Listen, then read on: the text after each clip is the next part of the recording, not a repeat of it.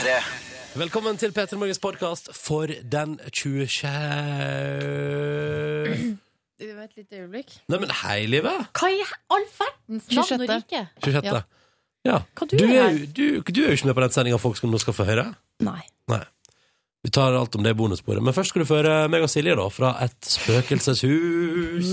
Uh, her kommer dagens Og hvis sending. du er ekstremt skeptisk, så er ikke det her for deg. Eller kanskje det er det. Jo, men altså, hvorfor ikke? Kjør Ja, på. Åpne sinnet litt, og ikke Ja. vær så jævlig sur. Eller er du skeptisk, kan du, vær kan du, du kan fnyse av oss i en time framover. Ja, det er helt greit, men vi Skeptiske folk er driter alltid så sure. Mm. Ja, Det irriterer meg. men jeg skjønner ikke hvorfor man må være så sur mens man er skeptisk. Nei. Man kan være glad og skeptisk. Hurra! lighten up. Her er dagens podkast. Ja,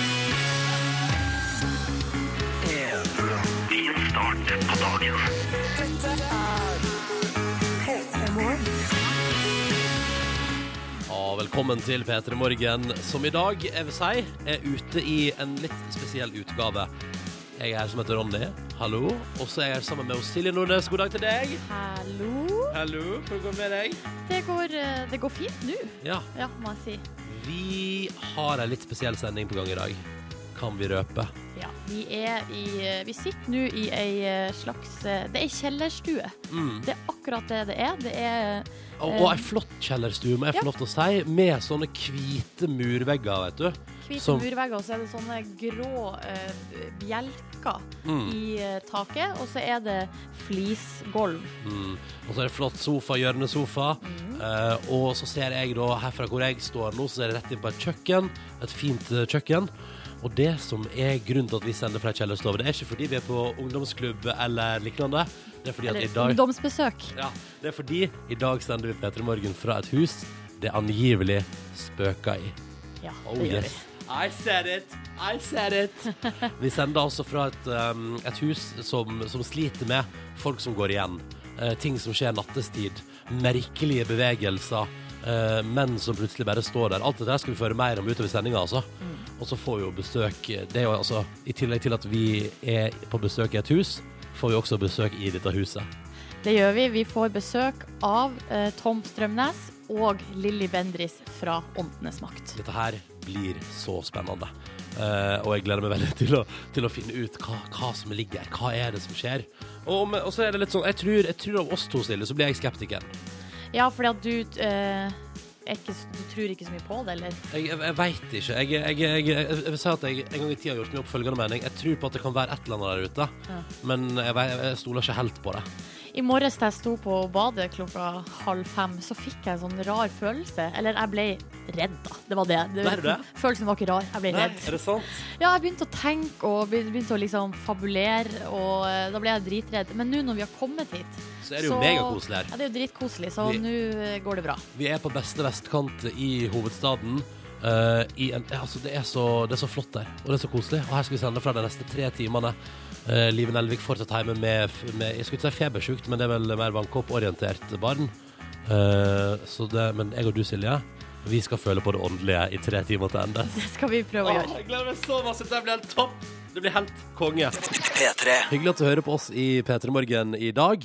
Vi sender altså, jeg og Silje Nordnes her eh, sitter i et eh, hus det visstnok spøker i, og skal prøve å finne ut av det. Det er Åndenes makt spesial, rett og slett. Men nå en tur innom SMS-innboksen, for du er hjertelig velkommen til å kontakte oss under sending. Og det gjør du med kodeord P3 til 1987.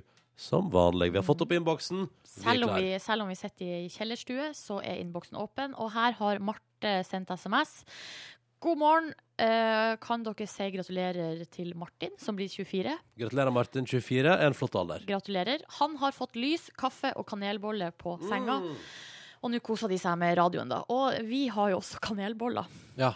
det er Eh, fint at du så får- Så vi er på en måte med på den feiringa, da. I Det- lag med Martin og Marte.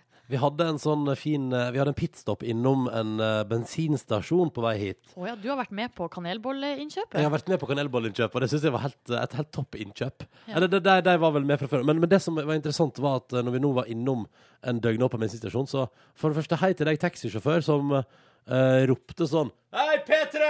P3! uh, det, var- det, det var utrolig, utrolig koselig. Og så kom det sånn Ja! Tidlig opp, ja! Ja, Hva- Er vi fortsatt på taxisjåføren? ja, ja. Det er ikke- oppe! Til oppe! Ja!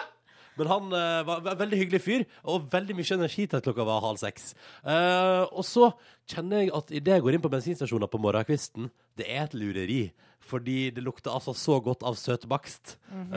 og jeg var sånn Og så det som var så bra, var at jeg var så flink og tenkte sånn Ja, nå tar jeg en kopp med kaffe, og så går jeg ut herfra. Uten, ikke noe mer, mer å snakke om. Nå går jeg herifra. Men det er vel en grunn til at eh, store deler av Norges befolkning spiser hvetebakst til frokost? Ja, det er det. Fordi at jeg var flink, og kom meg ut av bensinstasjonen uten å ha kjøpt meg hvetebakst. Så kommer sjefen rett bak og bare 'Jeg kjøpte bolle, jeg!' Og så bolle? Og så tenkte jeg sånn Nå klarer jeg ikke å stå imot uh, presset lenger. Så jeg har allerede spist en bolle. Det stemmer. En deilig fersk sjokoladebolle. Åh, For en, av de, fra en av de større bensinstasjonskjedene i landet vårt. Så det har jeg latt meg lure, da. Gått, gått på limpinnen. Jeg er med. Nå Jeg er med du på bare glasset. én av statistikken. Ja, en av bolle Så hei til alle som spiser boller der ute. Fader, det er godt, altså. Ferske boller. Det, men det jeg syns synd på, er de der ute som spiser boller som ligger igjen på bensinstasjonen fra i går. Hvis du skjønner hva jeg mener? Ja, nei, de må være nystekt. Mm. Og da sier vi ei lita s- skål og god morgen med bollene dine der ute. Og det er folk der ute med boller, vet du. Hvis du har tatt bilde av bollen din Nei. og sendt til 1980 Hæ? Hva? Nei, da får vi grisebilder. Nei, nei, nei, det er bare boller. Hva, det er ingenting seksuelt eller grovt med boller. Er du sikker på det? Ja, helt sikker. Så Ja. send bilde av bollen din med kodeord P3 til 1987, så kan vi se om det er flere der ute som nyter en noe deilig bakst. OK. Vi tar en tur innom Kave, vi nå. Dette er en låta som heter En av dem, og den får Hva, hva Silje? Nei, ja, men du er så entusiastisk når det kommer til hvetebakst. Har ikke, Hvetebakst er har noe ikke av det vært fineste jeg vet. borti verre. Nei, men jeg liker det. Hvetebakst. I love it. P3. Eh, vi skal ta en titt på avisforsiden i dag, uh, for der står det ting. Og vi pleier ofte å si at de største avisene i landet gir en indikasjon på hva nyhetsbildet kommer til å dreie seg om i dag. Og da kan jeg allerede nå si at vi får nok en dag der det handler om at disse fire partiene som skal danne regjering, er uenige i noen saker, og så er de enige i noen andre, og så har de en diskusjon gående, og så får vi se hva som skjer. I går på Dagsrevyen, uh, da hadde jo alle partiene, eller de fire da, som driver på med sondering, Mhm. eh, de hadde nettopp kommet ut fra masse møter, sånn Ja. at det var bare masse pressekonferanser opp og ned i mente. Totalt kaos. Altså, av de 45 minuttene Dagsrevyen varer, så tror jeg det var 80 sondering. Ja, så masse sondering, og KrF hadde eget møte. Men, men, sant, men så fortsetter det i dag. Fordi for eksempel, så er det på forsida av VG, så er det liksom sånn kult sånn bilde av der sitter de sammen alle fire, og her er det konfliktene som kan gi brudd. Og det er rart at det ikke Dagbladet har smelt på på, på en sånn skjebnedag i dag òg. Men, men de skriver i dag er det 'Derfor fortsetter nervekrigen'. Altså, det er noe altså, Det er anspent, og vet du, hva, nå begynner jeg å bli lei. For det er det samme kveld. altså, Hadde det nå bare vært utvikling, hadde det vært nye dramas. Det er som en film. Det er som om Spiderman bare generelt sett skulle møte på litt farlige folk i gata som ga han litt utfordring hver dag. Du blir lei av å se på det etter en time. Det er litt Og- lite lekkasjer fra den gjengen der. ja, Kanskje dere sladrer mer til media? Ja, kom Få igjen. på dere action. Kan ikke dere krangle høylytt? Kan ikke Knut Arild og Trine Skeiv eller som i slåsskamp stå og liksom bitch-slapper hverandre? Det hadde vært gøy. Det hadde jeg likt. Kan vi bare lage en sånn wrestlingmatch av det med en Åh, gang? kanskje bare gjør det, og Ja. den som vinner, får regjerings eh, over eh, Du, over til noen andre som krangler. På VG så er Bjørn Kjos eh, står i dress og rødt slips og ser lei seg ut. Det er sjefen i Norwegian, Drømmen- da. Mm. Ja, sjefen i Norwegian. Drømmen som brast, og eh, gir Boeing, eh, Boeing all skyld. Ja. Det var jo krisemøte i går mellom Norwegian og Boeing. Eh, det er jo de som har, altså Boeing har uh, lagd de her Hvordan sier man det? Ja, for jeg henger, henger meg opp i Boing. hvordan Boing. Hvordan sier man det? Jeg kunne si det helt til du nå sa boing, boing, boing, boing. Fram til du nå tøysa med det, så klarte jeg å si det riktig. Boing. Boing. Jeg vet, vet ikke, Det er ødelagt. Hva sier man? Boeing. Boing. Altså, vet du hva, Silje nå Ja, beklager det. Beklager. Nå kommer alle som har hørt på Petter Morgen, til å gå rundt og si boing, boing, boing, boing, boing, boing, boing. Men det er litt av flyselskapet, eller de som lager fly, da. Og det er gøy, Ja. fordi han sier da at de har all skylda. Og tenker sånn, ja, hvem ellers? Ja, det tenker jeg òg. Hvem ellers? Eh, For det er jo de som har lagd de her flyene, det er de som skal stå for vedlikeholdet. Men det som står på forsida av Dagens Næringsliv, det er, der er det en eks-topp i Luftfartstilsynet som sier om Norwegian de tar for mye risiko. Og det merker man jo. Ja. Det sitter mye, pass det Så, sitter eh, mye passasjerer igjen og henger på flyplasser pga. Norwegian, på en Så selv om det er Boeing, Boeing Boeing, som er skyld i at de flyene ikke funka, så Mm. burde Norwegian kanskje hatt et sikkerhetsnett. Ikke sant. Ta med siste sak fra Avisforsiden i dag. Det er altså da VG som melder at nå blir det dyrere å smugle, fordi at eh, nå går altså da uh, rett og slett, altså det, er, det er altså um, Satsene for å bli tatt, smuglebøtene, de går opp. Så bra, da, fordi den tollgrensa på hva man har lov til å ta med fra utlandet, uh, har stått stille. For eksempel den med at det kun er lov til å ta med 200 kroner og sånn. Eh, altså importere ting til Norge som koster under 200 kroner. Den har stått stille siden eh, 70-tallet. Men smuglebøtene der har stått i ro altså helt siden 1999. Oh, ja. Og nå øker de da fra 1. oktober. Så nå må jeg bare si det, hvis du er på vei til Svinesund nå, ta med akkurat passet. Eller vet du hva, du har noen dager på deg igjen, da. Lykke til. Eh, for det Lykke til. Lykke til.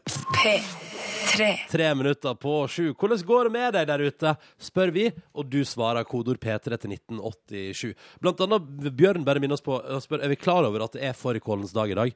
Det kan jeg bare si at det siste døgnet har Silje Nordnes vært helt ekstremt klar over at det har vært fårikålens dag i dag. Ja, Det var mest fordi at jeg lurte på om vi eh, kanskje hadde invitert noen venner på besøk. Ja. Um, Og da kan du ikke servere noe annet enn fårikål på fårikålens Nei. dag. Det var fårikål som var planlagt, men vi har dugnad i borettslaget. Altså, det var masse Hæ? voksne problem på fårikålens dag. Er det, er det dugnad på fårikålens dag? Ja, Det er disrespect fra burettslaget det kan jo hende at vi får en eh, kasserolle. Ja, men jeg syns du bør gå på neste styremøte i borettslaget og si sånn Seriøst, hvorfor har vi dugnad på fårikålens dag? Ja, jeg skal si fra om det. Bra. Ja. Og så har Julie må, jeg syns du, du skal ta deg et verv i styret kun for å passe på at det aldri blir, blir noe dugnad okay. på Ja, fårikålens dag. jeg skal gjøre det. Nå skal bare lese et dikt fra Julie. Akkurat våkna opp, satsa på at dagen blir topp. Selv om dagen består av norsk og naturfag og torsk. Ha en riktig fin torsdag. P3. Dette der var 30 Seconds to Mars når klokka nå er sju over sju, og låta som heter Up in the Air. Håper det går fint med deg. Hei! Er du våken der ute? Eh, har du det bra? Eh, dette er P3 Morgen, som i dag sender direkte fra ei utrolig hyggelig kjellerstove. Eh, og her går det rykte om at det er noe overnaturlig som, som sniker seg rundt nattestid. Uh, og det, det, Vi skal straks prate med, med, med Tom og Lilly fra Åndenes makt og sånn. Men først, god morgen, Fredrik. God morgen. Du er 23 år, stemmer det? Ja. Ja, Og så er du innehaver av denne kjellerstova. Ja, Du har det utrolig koselig her, da. Takk. Det er liksom eh, Det er, flott. mod det er jo ei moderne kjellerstue. Ja, Ja, det er noe hvite, veldig hvite vegger, eh, grå sånn fin hjørnesofa. Mhm. eh, lyst og fint. Ja, Og et veldig koselig kjøkken og soverom rundt der ute og sånn. Eh, men Fredrik, du er den som i størst grad merker at her er det et eller annet muffins. Hva er det du merker? Nei, det kan være alt fra at det er noe som går ned trappa mi, når de, altså går det ingen der, og dører som åpner seg, og så står det noen og ser på meg om natta. Og... men Og se, se, se, står OK, det? stopp der. stopp der! stopp der. Der, der, nå, nå, det her må vi begynne. Okay. Hva, hva mener du hva, hva mener du at det står noen og ser på deg på natta? Nei, det, det står bare noen på andre siden av sengen og bare står og stirrer ned. Har, men har du sett liksom denne personen på et vis? Er det en skikkelse, eller ser du som et menneske? Eh, mørk skikkelse, egentlig. Skygge, Eh, liksom. Ja. Ja, det der da, Men hva, freaka, hva, hva første gang du liksom så det, hvor, hvor, hvor freaka du ut av det? Liksom? Eh, nei, første gang jeg så skikkelsen, så hadde jeg opplevd ganske mye annet her, så da begynte jeg å bli litt vant til det.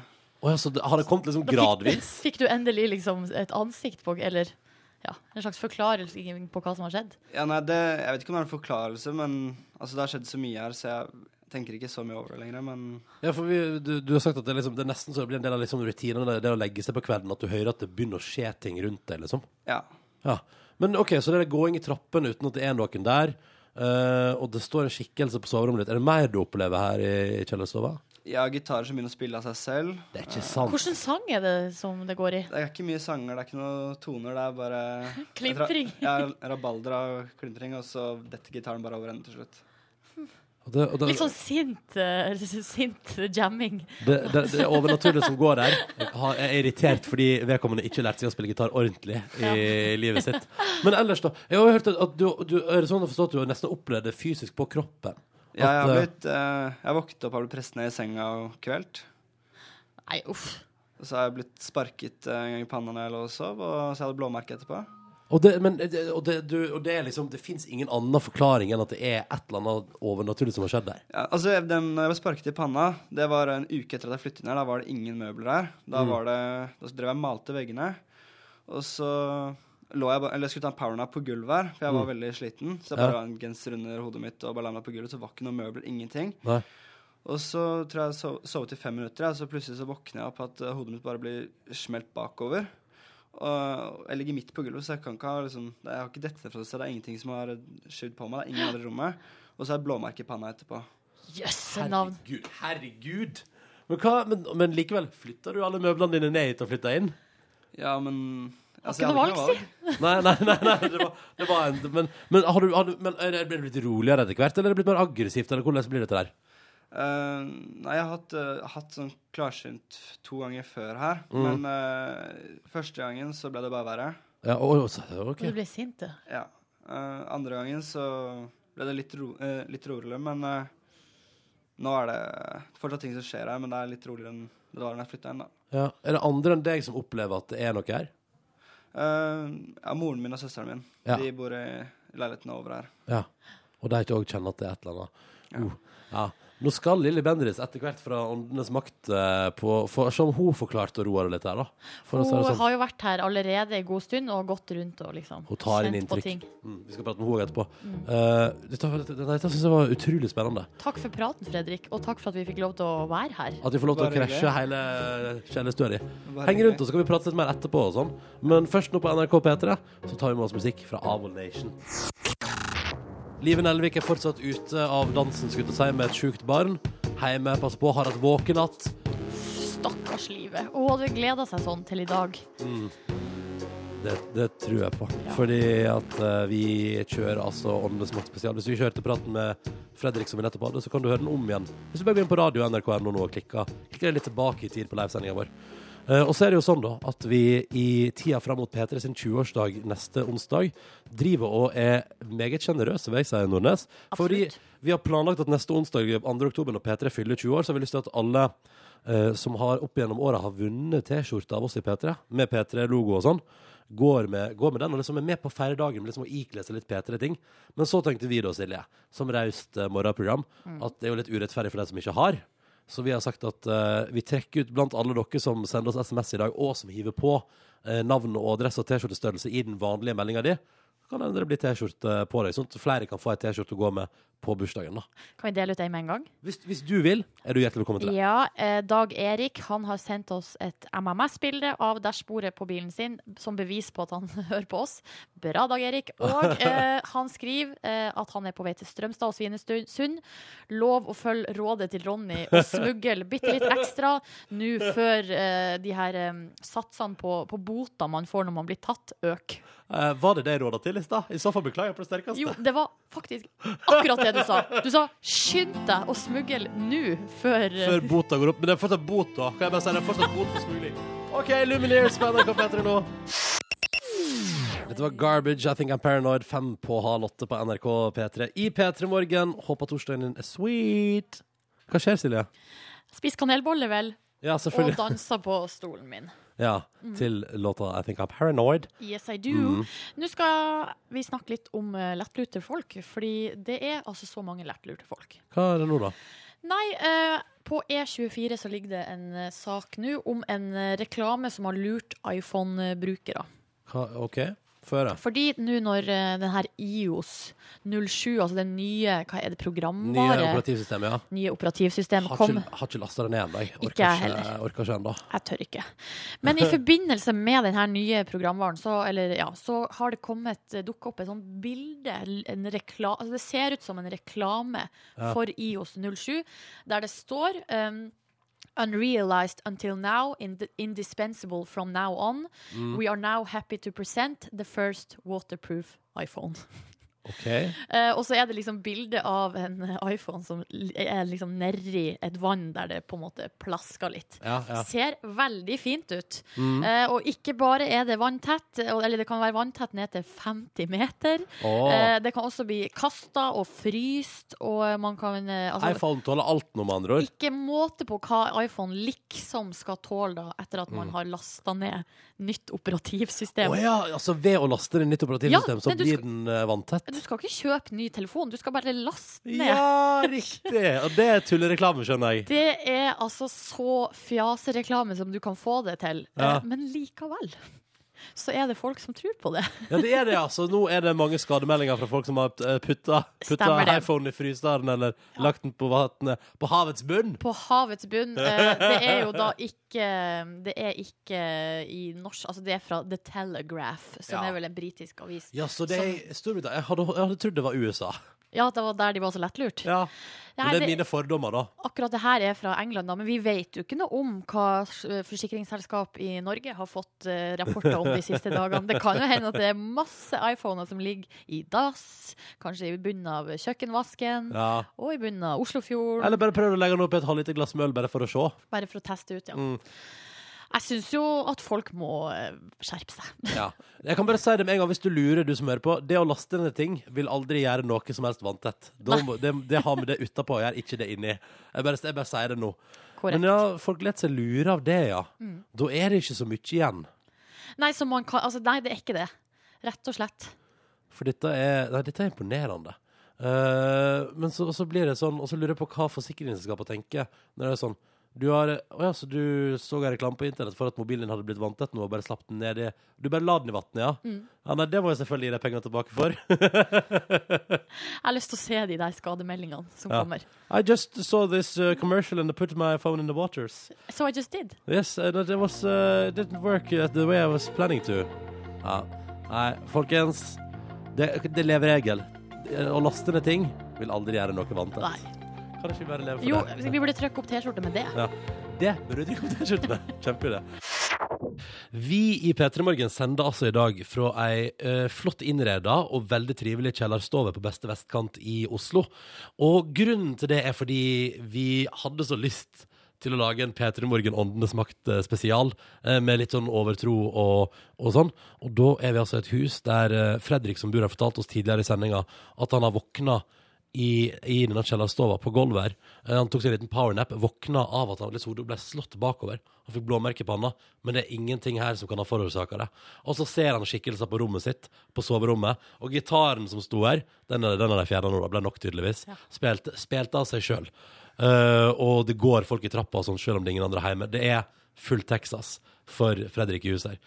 Og det skal vi, skal prate om hva kan det være litt senere, men først. Lilly Bendriss, klarsynt og en av de faste i Åndenes makt, velkommen til oss. Tusen takk. Tom Strømnes, programleder for Åndenes makt, det mest suksessrike programmet på TV Norge, velkommen til oss. Takk, takk, takk. Her sitter dere med oss rundt et lite spisebord i denne kjellerstova. Vi, vi, vi begynner med uh, Lilly, selv om du Hadde du en fornemmelse om hvor du skulle hen før du visste hvor du skulle? Nei, jeg hadde det så travelt i går at jeg hadde ikke tid å ha fornemmelse for noe som helst. Ja, for du skrur deg på, og så skrur du deg av. Eller? Ja, Ja. Jeg gjør det. Men første gangen du oppdaga at du var klarsynt, husker du det? Jeg husker jo, I ettertid så husker jeg helt tilbake til barndommen at jeg drømte om ting som skjedde. Ja. Men det trodde jeg jo alle gjorde. Så jeg hadde ikke en bevisst følelse av at jeg så noe. Det var bare litt rart Ja. At disse tingene skjedde. Det var først i godt voksen alder at eh, evnene mine ble aktivert, når jeg var rundt 42. Men måtte du liksom øve deg på å slå av og på, eller var Nei, det sånn Nei, det var sånn helt fra begynnelsen at det faktisk skjedde. Mm. At eh, jeg måtte gå inn i en annen type, en, en slags meditasjon, lett transetilstand, for å få kontakt med det feltet hvor eh, jeg fikk informasjon. Eh, Tom, du er jo programleder for Åndenes makt. Åttende sesongen nå. Men det ryktes at uh, dette her er noe du på ingen måte Eller du trodde ikke på noe som helst overnaturlig før du begynte den jobben. Nei, altså, Jeg var ganske likegyldig til eh, tematikken sånn Ja. generelt sett uh, Ja. når jeg starta, og, og gjorde det mest fordi uh, jeg, jeg ble pålagt å, å, å voice den danske serien Ja. når, den, eh, når den kom på lufta. Som vi starta med, den originale Arnens Mact.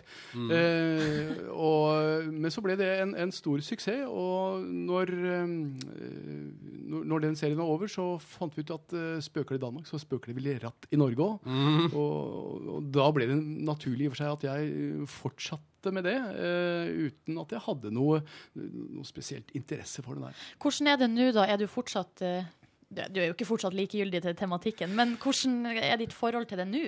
Nei, nå har jeg jo gjort dette her i da snart ti år, eh, hvis vi tar med den danske serien. Og, og det, det jeg har gjort, er jo å pirre min nysgjerrighet eh, i større og større grad. Eh, vi sitter nå, eh, som jeg sier, på, på en, en slags studie eh, gjennom så mange år og så mange tilfeller og så mange godt rapporterte og dokumenterte hendelser at eh, det går ikke an lenger å avskrive dette som, som fantasi, innbilning eller tilfeldigheter. Men eh, tvert imot, dette er helt reelt. Fysiske fenomener som observeres av mer enn én person, er helt reelt.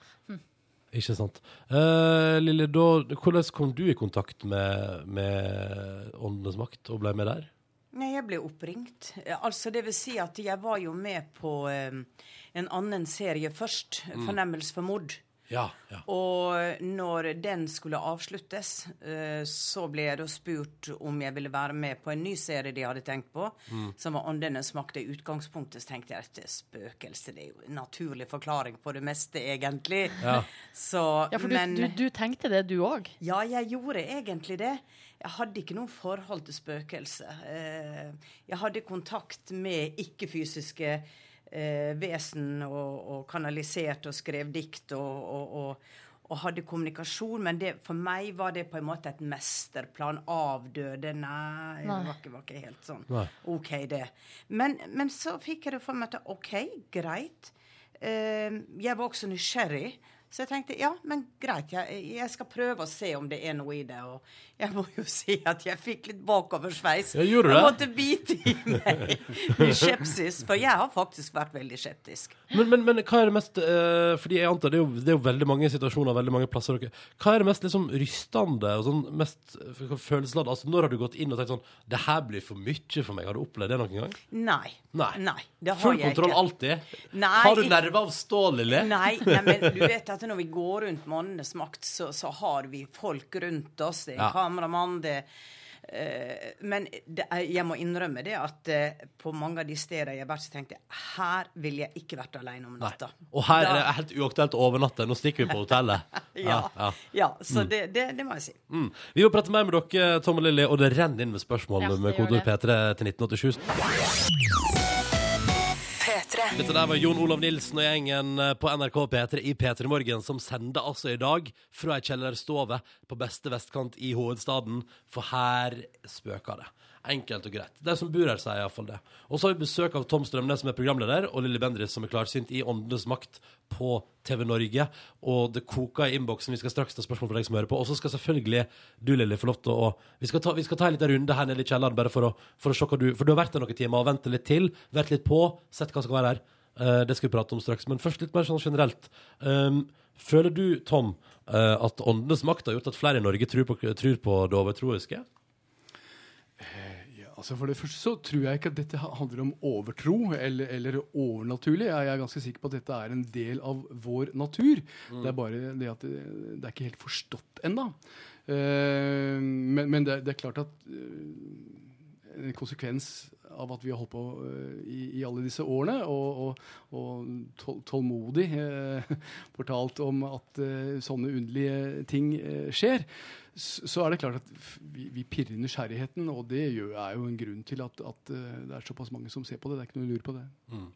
Men det er jo samtidig mange som er veldig skeptiske. Og jeg tror det er jo gjerne de som ikke har, som ikke har opplevd noe. Jo, og, og det er helt naturlig å være skeptisk til dette. fordi at eh, når, når det umulige blir mulig, så, så vil ikke vår forstand uh, skjønne det. Altså, altså det, det bryter med på en måte all, all, all sunn fornuft. Eh, og, og det gjør de jo, men, men når det er såpass mange som observerer og opplever det, uh, så går det, som jeg sa i stad, ikke an å kanskje uh, s, bare skylde på sansebedrag eller, eller innbilning eller fantasi. Det, det er så, så mange sånne observasjoner som er gjort, og, og av ting som er fullstendig fysisk umulig, som ikke har noen annen forklarlig sammenheng. Og det har vært eksperter og alt mulig inne i. Så, så, og, og da er det jo fremdeles et faktum at dette har skjedd. Og da er spørsmålet hva er forklaringen når det ikke finnes noen forklaring. Men Lille, møter du mye skepsis i din jobb som klarsynt? Eh, ikke egentlig, men Nei, det er kanskje fordi de ikke tør å komme og si at de er skeptiske. Jeg, jeg, jeg møter jo folk på gata, på flyplasser, på fly, overalt. Og 99% kommer bort og syns at dette er veldig spennende. Ja. Og faktisk kommer med veldig positive ord. Så jeg tror at de som er negative, kanskje ikke kommer bort til meg. Men prøver du, hvis du møter noen som ikke eh, har trua på at det kan være noe der ute, prøver du å overtale, eller bare er du sånn Ja, men det får, det får bare du synes. Nei, jeg forsøker ikke å overtale noen. Jeg trer ikke min sannhet nedover hodet på noen. Jeg, jeg, jeg er fra Vestlandet, og der bruker de å misjonere, og jeg vil ikke misjonere. Du vil ikke misjonere for Nei. det? Nei. Er det, er det mange som kommer bort, bort til deg sånn på flyplasser eller rundt omkring med spørsmål og konkrete ting de lurer på? Nei, de kommer ikke med spørsmål, de kommer bare og sier at uh, Du må komme og besøke meg en dag. Ja. Nei, de sier bare 'fantastisk program', og det er spennende det dere gjør. Og det som er interessant, er at eh, småjenter og gutter i 12-13-årsalderen eh, Jeg møter jo ofte på skoleklasse eller sånn, og de, de stimler rundt meg, og de skal ha autografer, og de Det er så spennende. Så jeg ser jo det at eh, Jeg tenker at foreldre lar jo barna få lov å se på dette. Ja. Uh, og de er ekstremt opptatt av det. Den yngre generasjonen. Men er det ikke Hvis jeg, hvis jeg skal innta den skeptiske rolla, er det ikke Tom, er det ikke mye Er det ikke bare litt sånn filmtriks og skummel musikk dere driver med? Eh, ja, nei, og, og det, det er det veldig mange Det er det veldig mange som, som insisterer på at, at vi jukser, og at vi eh, manipulerer, og at vi konstruerer. Men det gjør vi ikke. Og det sier vi jo hver eneste gang, eh, at dette faktisk er, er dokumentarisk. Altså, vi, det vi gjør, er å gjenfortelle de opplevelsene disse folkene som, som vi besøker, har. Ja. Og, og vi eh, legger ikke noe til, eller trekker ikke noe fra. Eh, jo, det siste gjør vi. Vi trekker noe fra, fordi at vi, vi har aldri kapasitet eller programtid nok til å fortelle alt. Men, men vi forteller den sannheten som vi får servert. Og, og jeg har ingen grunn til å, å, å, å tvile på, på, på disse medvirkendes uh, beretninger. Straks så må vi ta for oss den plassen vi er på nå. Uh, denne kjellerstova på beste vestkant i Oslo. Hva er det egentlig som skjer der? Hva er det det går i? Uh, så følg med i P3 Morgen. Du hører P3 Morgen, og vi prøver å være et hyggelig morgenalternativ for deg på radioen. Og så kan det endre bli litt nifst i dag. Vi får se. Men eh, vi er iallfall i et flott eh, kjellerstove på beste vestkant i hovedstaden og sender herfra direkte i dag. Og så har vi med oss Tom eh, og Lilly fra Åndenes makt. Og så er det sånn at Fredrik som bor der for en liten time siden, fortalte oss om alt han opplever i det daglige her i kjellerstova av at det blir spilt på gitarer uten at noen er til stede. Så han har opplevd at han har våkna av at han blir, han blir kvelt av en skikkelse. Han har, blitt, han har fått det som et spark i panna uten at det er noen andre til stede, og ingen møbler som kan liksom ha falt ned. Og det, liksom, og det står skygge, plutselig ser han en skygge på soverommet sitt. Uh, og inne på det soverommet der han ser skygger nattestid, han har nesten blitt vant til det, forresten. Så det er en, er en del av hverdagen det, når han skal gå og legge seg. Og nå begynner det å romstere, det er et eller annet som skjer. Ja, ja, nå får jeg gå og legge meg. Inne på det soverommet der han legger seg, da, og opplever alt dette rare, der står du, Silje. Hallo? Hallo. Du og Lilly Vendris står der inne. Ja, vi gjør det. Eh, Jeg er litt nervøs, har litt hjertebank, men det lukter veldig godt her, for jeg tror Fredrik har vaska. Ja, Lukta ja, grønnsåpe. det ikke sant. Men eh, Lilly, jeg vet ikke hvor jeg skal begynne. Jeg kan jo begynne med å spørre, hva, hva kjenner du på her inne? Vel, jeg har jo brukt en 20 minutter og tatt en sånn liten skraper på overflata, en liten sveip. Og der hvor jeg kjente sterkest aktivitet, er faktisk inne på dette rommet vi står nå. Det var helt klart her det er mest elektrisk tett. Ja, det er tett. Eh, Er det noe, er det noe mer enn det du, du kan, si, kan si om hva som foregår her? Eh, I utgangspunktet eh, så har jo jeg fått inn en skikkelse som vil ordne opp i ting. Og dette er ikke en ondskapsfull skikkelse. Jeg vil vel heller si det er en som, eh, som vil ordne opp i det som ikke skal være her. Kanskje er det en som har kommet inn for å hjelpe oss. Og jeg føler at det er en som har hatt eierskap til huset. Det er ikke den personen som verken spiller gitar eller, eller knokker ned noen. Men rampestreker jeg har kommet veldig sterkt til meg. At det er noen som gjør rampestreker her, uten at jeg har gått inn og funnet ut hvem det er. Eh, det som er viktig her, er jo faktisk at huset blir rolig. Og da er det sånn at eh, et eierskap eller til eh, Jeg opplever jo å få inn bilde av at det her nede hadde vært et type verksted eller hobbyverksted hvor verktøy og ting var, som denne personen oppholdt seg mye i. Og igjen føler jeg et eierskap. Er det, er det en mann? Ja, det er en herremann, ja.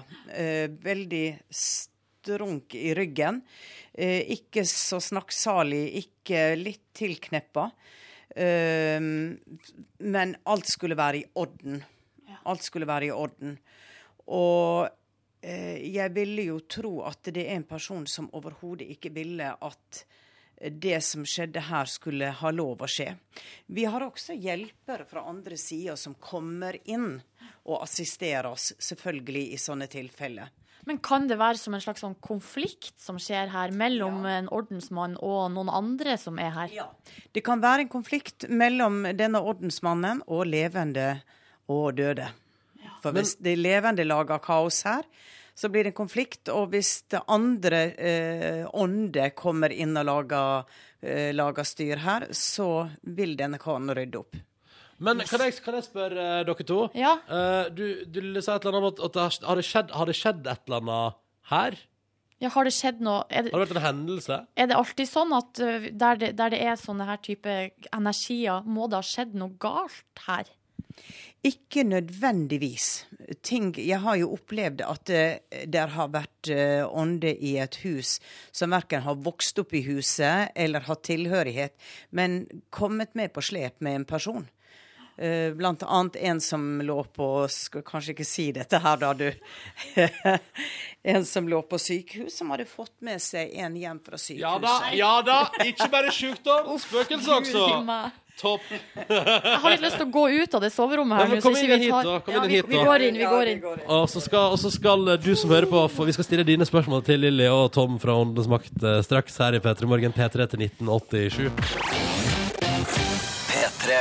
Eh, og vi har jo med oss eh, Lilly Bendriss og Tom Strømnes fra Åndenes makt på TV Norge. Og Lilly, du har akkurat vært på en liten runde med Silje Mm. og, og sjekka ut annet soverommet rett ved siden av oss her, der det var mest energi i dette huset her. Ja. Uh, og så var det et par detaljer du Det var et par ting du ikke Jeg tenkte sånn Du prata om at det er en mann her som liker ting på stell.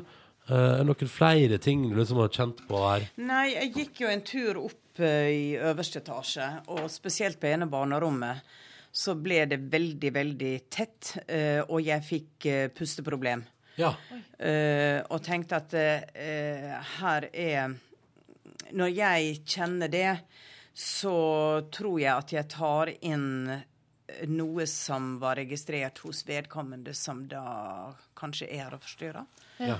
Eh, og jeg tenker kols eller astma eller noe. Det blir veldig tungt å puste. Ja. Og det ble det ikke ned på soverommet. Det var spesifikt oppe på, på toppen her. Men eh, det her, eh, du snakker om en mannsperson som eh, er her nede i kjelleren og, og rydder og prøver å holde orden og sånn. Mm. Uh, har du noe tidsepoke på han?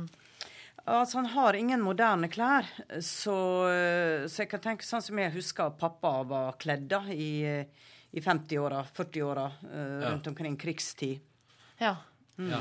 Fordi vi har, vi har gjort litt research, Jeg blir nemlig. litt skremt, faktisk. Blir du det, ja, blir jeg litt redd. Fortell Eh, hvorfor. nei, fordi vi har jo gjort litt research, og det er jo altså eh, Han som har bodd i det her huset før, eh, er en eh, offiser.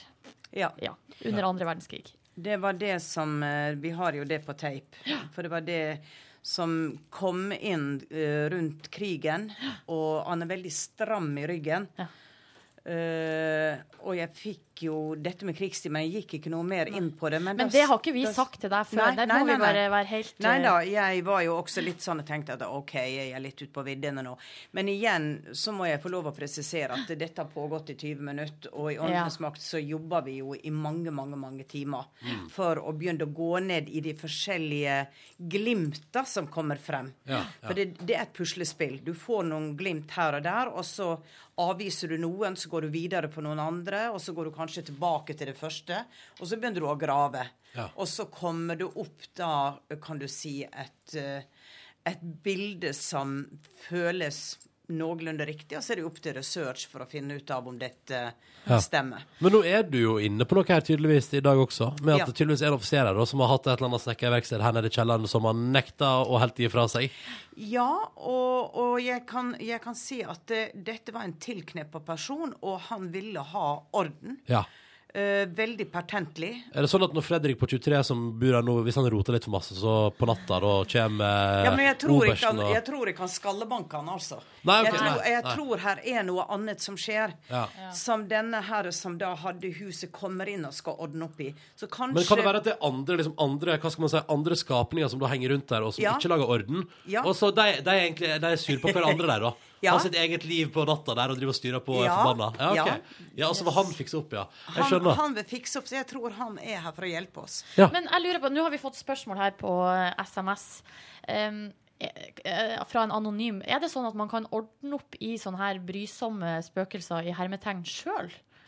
Ja, altså Det er jo mange som prøver å gjøre det. Ja. med Hva skal- hva skal man med gjøre? vekslende hell. Nei, det er noe med å ta eierskap over ditt eget hjem. Og sier at det være veldig bestemt, stå i din egen kraft og sier at det, skal jeg dette er min space. Ja. Ja. Her har absolutt ingen adgang. Yes. Å være veldig bestemt på det. Eh, Kan, kan jeg gjøre det, liksom? Kunne jeg sittet inne på soverommet og sagt sånn Her får ikke du være! Ja, men det er ikke ditt soverom. Det er godt poeng. Så det, ok, så det må Ja, nettopp. Selvfølgelig. Jo, jeg, jeg, jeg tror nok det du kan utøve en innflytelse Ja, ja. selv. Men ofte så må man faktisk få litt hjelp utenifra, for det er ikke så enkelt som man tror. Men, eh, men absolutt å å, det, det, som, det som er et sånn gammelt eh, råd, da, er å legge havsalt i hjørna i de Nei, romma. er det sant? Jo, nå må du høre her. Ja, du høre her. jeg hører, hører. Legg havsalt i hvert hjørne i hele huset. Og følg med det saltet. Hvis det blir brunt, så tar du det ut, for da har det trukket til seg kaotisk energi. Jøss. Wow. Da vet du det, du der hjemme. Det er bare å begynne å strø salt i hjørnet. Eh, vi skal straks stille Lilly og- Tom spørsmål fra deg som hører på. Flere spørsmål. P3 til 1987 hvis du vil hive deg på. P3. P3. Og nå sitter Lilly og Silje i en uh, forrykende diskusjon der borte, fordi du, Lilly, mener at du nå bare kan eh, jevne ut det som skjer i lokalet vi er i. Sånn, hvor lang tid tar det å liksom Det er Balan noe balanser, heter det. Balansere, balansere ut. Hvor lang tid tar sånne ting? Ja, fordi at eh, Nå fikk jeg bekrefta at den personen jeg har tatt inn, har eh, hatt eierskap til huset. Ja. Og grunnen til at han kom, føler jeg, er at han vil hjelpe både levende og døde til at eh, dette feltet her skal bli et harmonisk felt. ja. eh, som jeg mener han opplevde å ha når han bodde her. Men sitter du og balanserer ut akkurat nå mens vi prater? Nei, Nei. det gjør jeg ved at jeg kobler meg på og ber mine hjelpere. Så det blir som en, en bønn, da. Skal, men skal vi ta noen spørsmål fra lytterne først? Ja, det- det, kommer så utrolig Ja, mye. jeg synes vi må, vi må det. Vi må det, vi må det. Ja. Ja. Ja. Marius lurer på. Eh, hvordan, altså det er til deg, Lilly. Hvorfor er det sånn at du kan liksom kjenne på sånne energier og ting i et hus, men, mens vi vanlige i hermetegn, skriver han, ikke merker noen ting? Fordi at jeg er eh, spesielt sensitiv for energier. Jeg er som en antenne. Det er den egenskapen jeg har. eh, som gjør at jeg kan kjenne det andre ikke kjenner. Kan, er det noe man, kan man lære seg det? Ja, man kan lære seg å bli mer intuitiv, mer sensitiv og opparbeide disse evnene. Ja. Men det er som enkelte har talent uh, for visse ting. En, en som spiller piano kan være ekstremt talentfull, og en annen kan klimpre og kommer aldri lenger. Så det er jo noe med hva du er utstyrt med, og noe med hvorfor du kommer hit til denne jorda. Hva skal du arbeide med? Så får du kanskje naturligvis gaver til å gjøre det. hos deg er det kun talent. Hva sier du? Hos deg er det bare talentet. Det er talent. Jeg har aldri dyrka det frem. Jeg var Nei. ikke interessert i dette her. Jeg åpna med et smell av en akupunkturnål. Nå løper alle og vil ha akupunktur. Jeg kan kjøpe, kan kjøpe selvbiografien min. Da forklarer jeg dette. Men det er liksom akupunkturen som bare poff, og så var du i gang. Sånn, Det var-!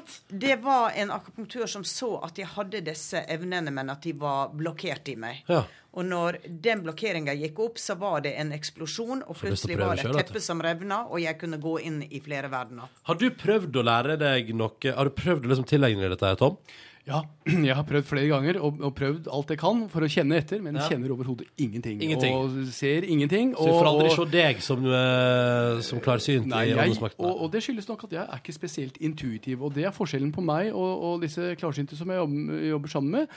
At de, eh, som Lilly sier, er det som jeg kaller høysensitive. Altså de, de, de har en eh, evne til å registrere noen signaler som ligger rundt oss, og som, som, som på en måte er et slags eh, Ser inn i et univers som, som, er, som er skjult for oss andre. Og, og, og bruker da et, en, en annen eh, enn våre fem normale sanser til å registrere dette. Ingrid Anna hun spør, eh, eller hun forteller at hun og samboeren eh, hennes bor i et hus. Og nå i de siste nettene, altså mange netter på rad, har de våkna begge to 02.35. Er det tilfeldig, eller kan det være noe annet? Nei, vet du hva, det er veldig interessant. For det at med samme jeg åpna da, for vel 20 år siden, så våkna jeg hver natt nøyaktig på samme tidspunkt. Ja. Og jeg følte det at eh, jeg kobla meg på en åpning. Eh, og det skjedde ingenting. Jeg bare bråvåkna og så på klokka, og det var akkurat samme klokka. Så tenkte jeg ja, da skal jeg sette meg til å meditere. Da er det noen som forsøker å kontakte meg. Yes. Så, Så, så de det, får prøve å gjøre det, da. Ja, men da syns jeg dere skal gjøre det der hjemme. Sett dere ned og prøv å, å, å, å, å, å, å få tak i den åpninga som tydeligvis dukker opp 02.35 hver natt. Eh, um, Lilly og Tom, dere må bli sittende litt til. Vi skal straks ha nyheter på P3. eh, og så skal dere få lov til å delta i vår spørsmålsstafett og sånn. Snart åtte minutter over halv ni. Riktig god morgen til deg som hører på. Trond Strømnes eh, fra Åndesmakt. Denne likte du. Jeg så at du Jeg så, jeg så deg tromme med. Ja, ja, ja. ja. Det var ve veldig fint. Hva, hva var det, sa du? Kvelertak. Akkurat, akkurat. Ja, akkurat. Det er bare å sjekke det ut. Omtrent eh, som på Åndenes makt. Omtrent kvelertak. Ja, ikke sant? For der skjer det mye. Sånn apropos låt, skjønte jeg? ja, ja, for du er programleder i Åndenes makt, så er du sammen med Lilly, som er en av de klarsynte som er med i Åndenes makt. Og det, har- altså, du vet hva, det, det, det koker i innboksen vår. ja, det er så enormt masse tilbakemelding. Det er jo Det vil man jo nesten selvfølgelig, så er det en del skeptikere som, eh, som er her til stede også. Men det er aller mest så er det bare masse, masse spørsmål. Helt tydelig at, eh, at folk i Norge syns at det her er utrolig spennende. Um, og det er en, som, eh, en anonym som spør til deg, Lilly, for at du snakka om at du har hjelpere.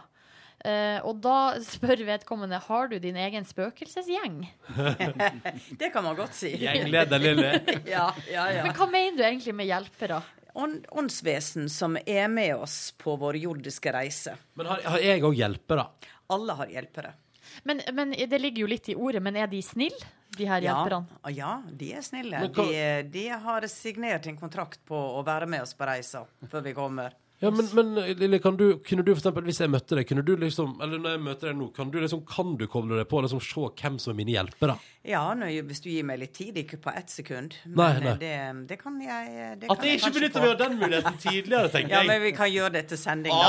Ah, det blir gøy, Du kan finne Ja, ja, hjelperne ja, mine. Flere spørsmål fra SMS-boksen. Eh, det er en som lurer på eh, det, er også til, det er jo Lilly som får de fleste spørsmålene. Ja, Sorry, sorry Tom. for det, Tom? Er du vant til dette er her? vant til dette. Men eh, det er Thomas eh, Angel som lurer på når, eh, når du møter folk, eh, kan du da se om det vedkommende har en hem mørk hemmelighet? Hvis du håndhilser eller noe sånt?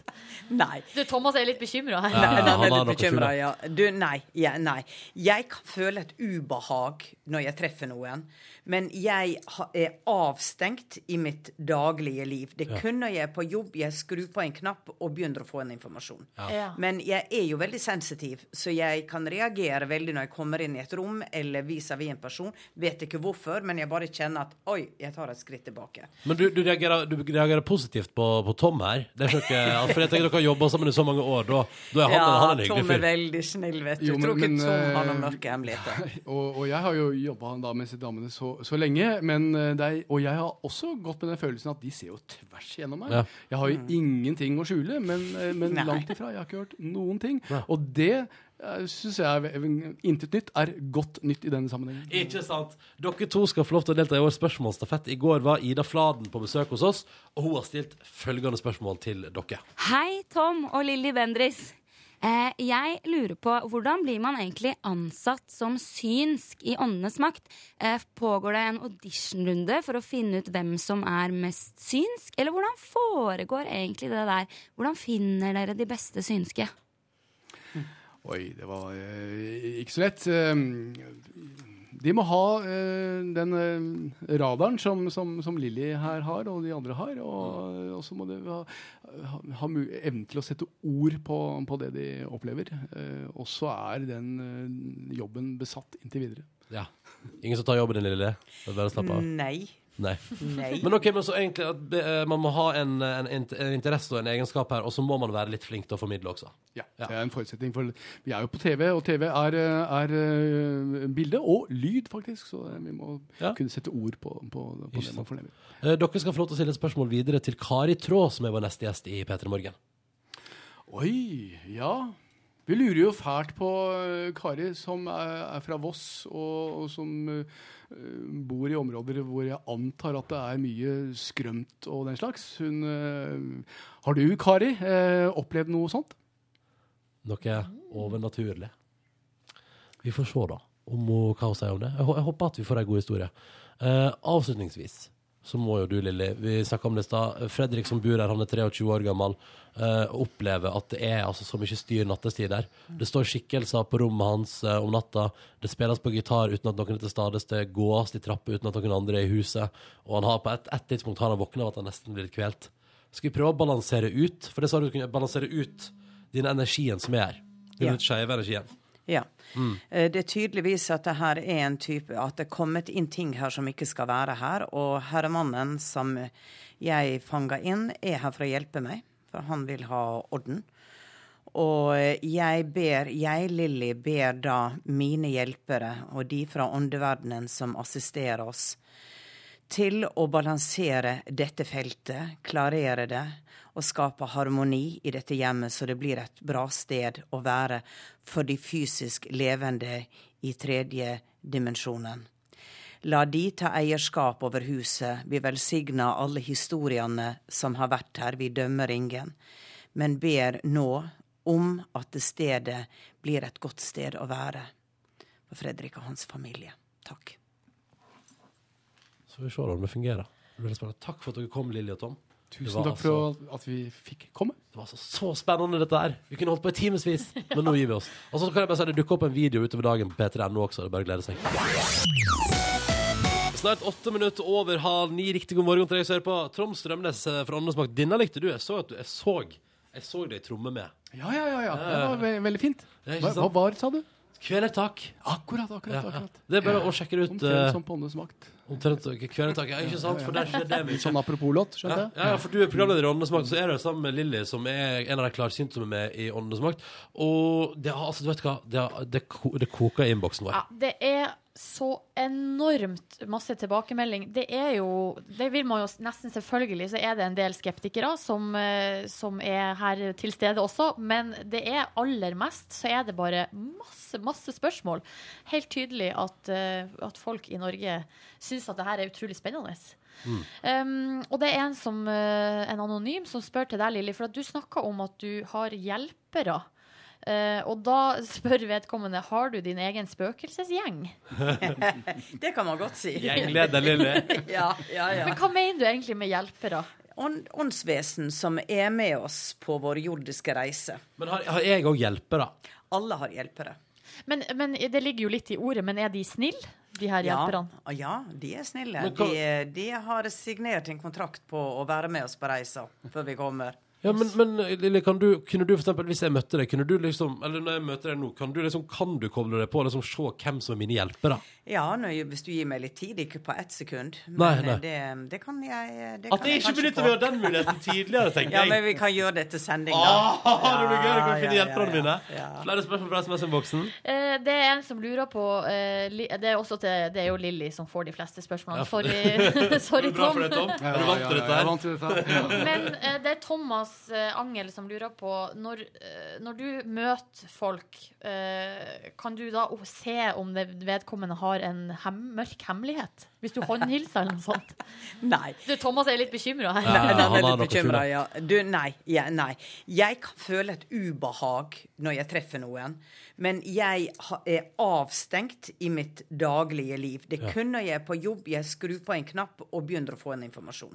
Ja. Men jeg er jo veldig sensitiv, så jeg kan reagere veldig når jeg kommer inn i et rom eller vis-à-vis en person. Vet ikke hvorfor, men jeg bare kjenner at oi, jeg tar et skritt tilbake. Men du, du, reagerer, du reagerer positivt på, på Tom her. Det er ikke for jeg tenker Dere har jobba sammen i så mange år. Da, da er han, ja, han en hyggelig Tom er veldig snill, vet du. Jo, Tror men- ikke Tom har noen eh, mørke hemmeligheter. Og, og jeg har jo jobba da med disse damene så, så lenge. Men eh, det er, og jeg har også gått med den følelsen at de ser jo tvers gjennom meg. Ja. Jeg har jo ingenting å skjule, men, eh, men langt ifra. Jeg har ikke hørt noen ting. Nei. Og det syns jeg er intet nytt er godt nytt i denne sammenhengen. Ikke sant? Dere to skal få lov til å delta i årets spørsmålsstafett. I går var Ida Fladen på besøk hos oss, og hun har stilt følgende spørsmål til dere. Hei, Tom og Lilly Bendris.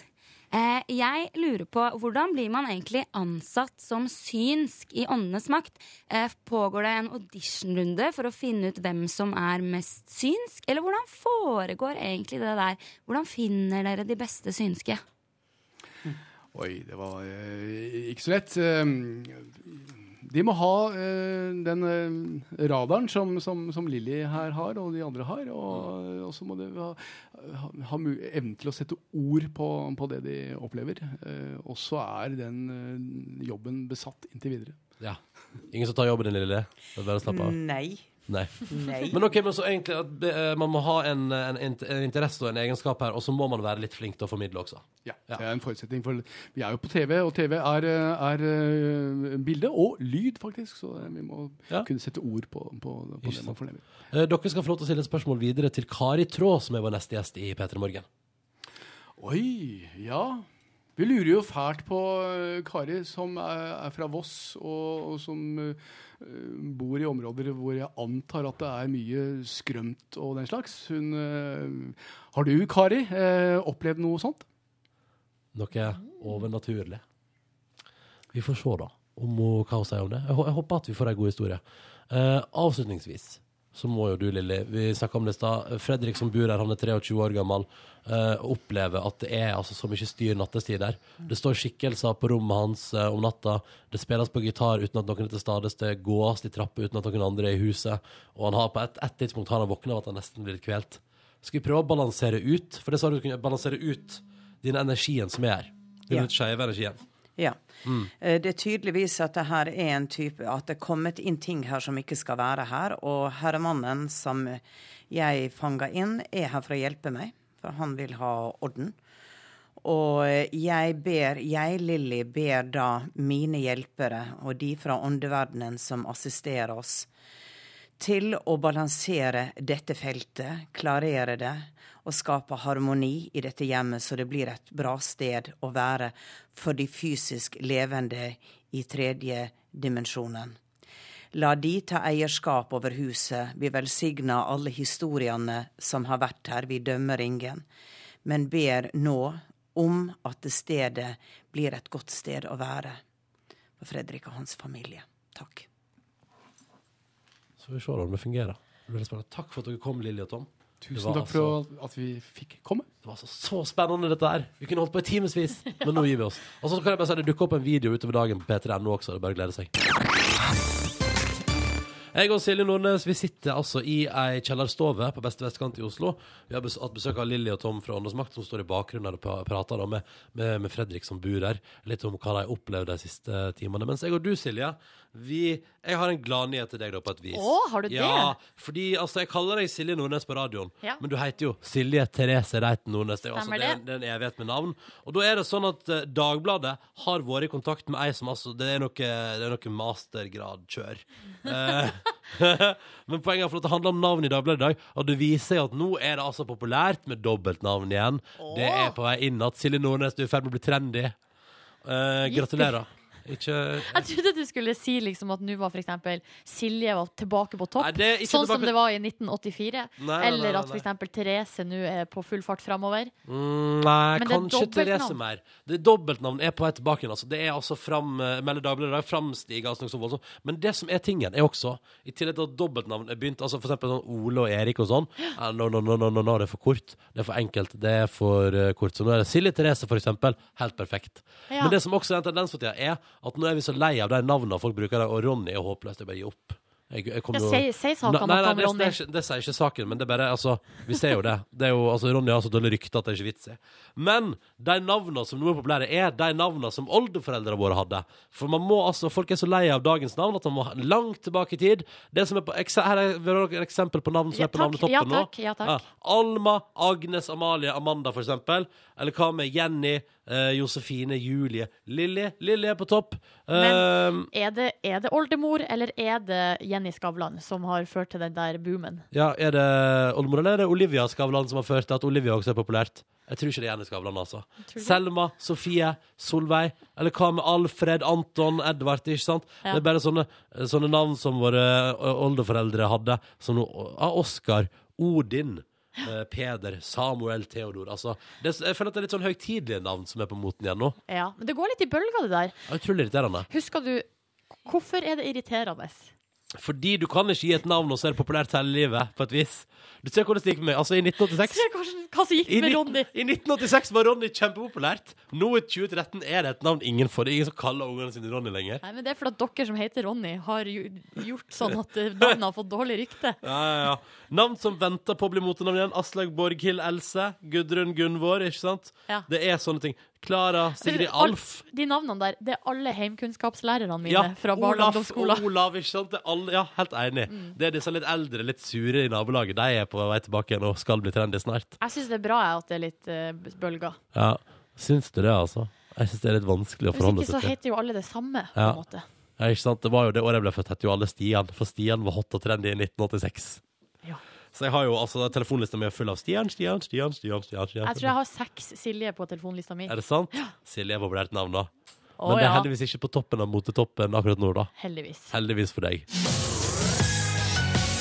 God morgen til deg. Håper det går bra. Silje, hva tenker du? Vi sitter altså i kjellerstove i hovedstaden og har hatt Åndenes makt spesial. Jeg håper det har vært hyggelig å høre på for deg som, eh, som hører på oss. At P3 Morgen har vært et litt, litt, kanskje litt spennende program i dag. Litt skummelt. Ja, det har jo vært litt annerledes, men sånn blir det når vi nå en gang har flytta oss til et Mm. annet sted. Ja. Jeg syns det går fint. Jeg, altså, jeg er jo en sånn type som eh, Altså, jeg har aldri opplevd noen ting, men jeg tror og er redd. Ja, ja. Eh, Men nå syns jeg jeg har fått litt mer ro, fordi jeg tenker at det er kanskje ikke noe å være redd for. Nei, og så du, har blitt, du har blitt bekvem med det overnaturlige, du nå? Ja, på en måte. Ja. Ja. Så deilig. Da er Silje Nordnes kurert, og vi er happy og fornøyd. Og så syns jeg jo det Jeg synes jo det er veldig artig å se eh, responsen, for at det er jo ikke tvil om at det er en del som er meget skeptisk, men de aller, aller fleste er kjempeåpne for sånne her type ting. Ja, så det er det da. Og det sier jo litt om oss, om oss nordmenn. Jeg Om oss nordmenn. Vi er nå et, et folk. Vi er nå et folk. God morgen til deg som hører på. Straks en tur innom nyhetene og selvfølgelig mixtape. Men først, vi må jo spille litt Imagine Dragons. P3. Velkommen til podkast bonusspor for denne eh, torsdagen. Hallo! Kom magen min med i, på den klippen? Nei, det tror ikke jeg. Nei, eller på det mm. Nei. Har, har du rumlings? Men den vil være med på bonussporet. Mm, magen til Liv Nelvik har vært stille for lenge nå. Hvor- Men hva, velkommen skal du være. Takk skal du ha. Sykt barn øh, Altså, hvordan skal jeg forklare dette? Sykt barn er nå i barnehage, så jeg kunne dra på jobb, men ikke på sending. Nei. Uh, ja. Fordi du var våken hele natta. Våken hele natta, sånn at uh, Hun våken hele natta. Ja. Jeg våken hele natta. Far våken hele natta. Ja. Uh, så hun måtte Hun sov lenge. Uh, for at hun da skulle få dratt i barnehage, så kan ikke jeg vekke henne klokka sju. Da måtte hun få sove. Mm. Sove til ni. Ja.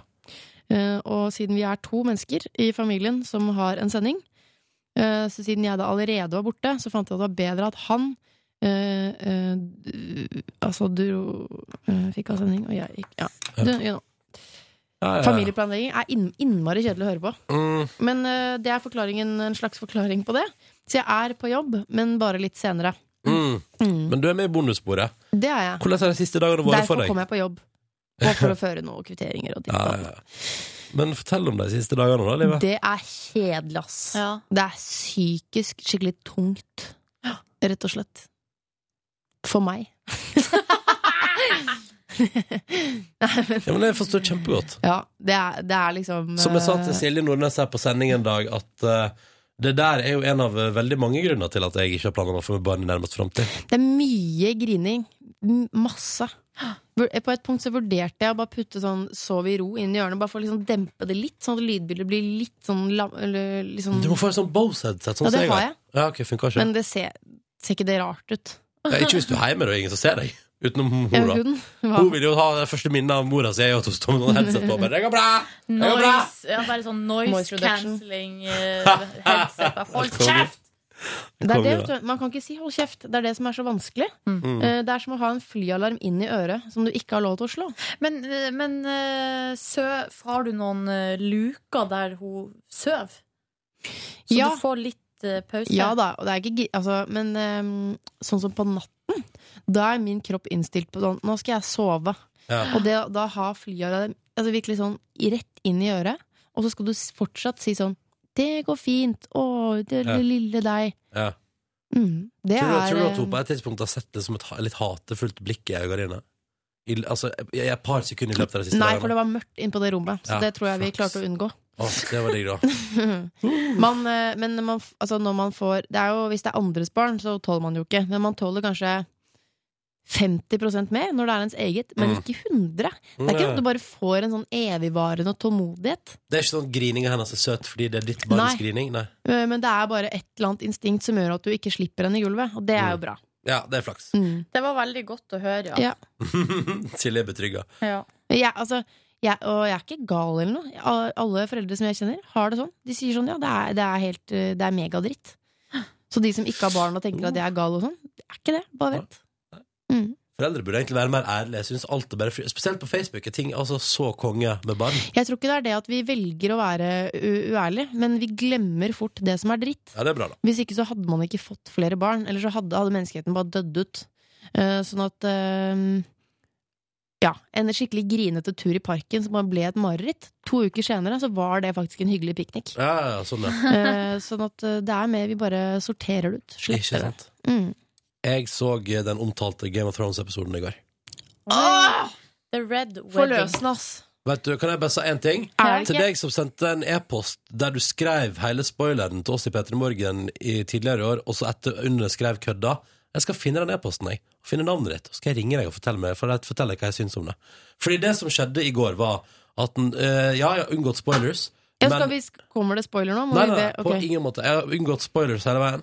Men fordi Men det er så mye sånn Alt rundt det gjør at jeg visste nøyaktig hva som kom til å skje. Nei. Og jeg vet bare denne episoden har vært så mye kulere hvis jeg ikke hadde visst det. Det, Hvordan det, visste du det av han som sendte mail? Nei, av han sendte mail, og at det er blitt antyda hva som skjer veldig mange plasser. Liksom, og at det er Ja, det er tydeligvis Altså, det er jo Episoden heter jo The Red Wedding, liksom. Å, jeg kobla ikke det. Jeg er dum, jeg. Ja, og, det er liksom, og da skjønner du når det er på en måte Da er ett bryllup per episode for tida, så skjønner du hva slags bryllup det er snakk om. Og det er liksom sånn Nei, faen, det var dritt, ass. Men eh, faen, altså Men kan jeg si noe? For at jeg, jeg så det også eh, lovlig seint. Mm. Sånn at jeg fikk hele tiden eh, vite sånn Å, fy faen, det er så jævlig. Å, fy faen, det er så jævlig. Og det er jo på en måte det samme jeg har sagt til deg. Mm. Um, men jeg skjønte fortsatt ikke hva Jeg visste fortsatt ikke hva. Og så tenker man hva er det som kan være så dritt, liksom? mm, Men så er det sånn Det er et eller annet med fø de følelsene de har klart å bygge opp. Ja. Og så klarer man akkurat å slappe av litt. Ja. Før det bare Før det bare Og jeg ble, jeg ble helt sånn Og det var en sånn Jeg har aldri blitt så uh, sjokkert og kvalm på samme tid. Men de blir jo lu... Altså, det er jo Det blir jo Hva skal jeg si? ja, Kan vi ikke bare si nå Altså, hvis du er helt Ronny på spoilers, så kanskje spol over en liten stund. Vi trenger ikke å si akkurat hva som skjer. Eller Men det, det er jo akkurat det her vi snakker om, Ronny. Eh, Det er umulig å snakke om det uten at folk, altså at folk skjønner kanskje litt hva det går i. ja, Hvis du ikke har sett det ennå, så skrur du av de neste Eller spol deg to minutter frem i podkasten. Ja. Mm.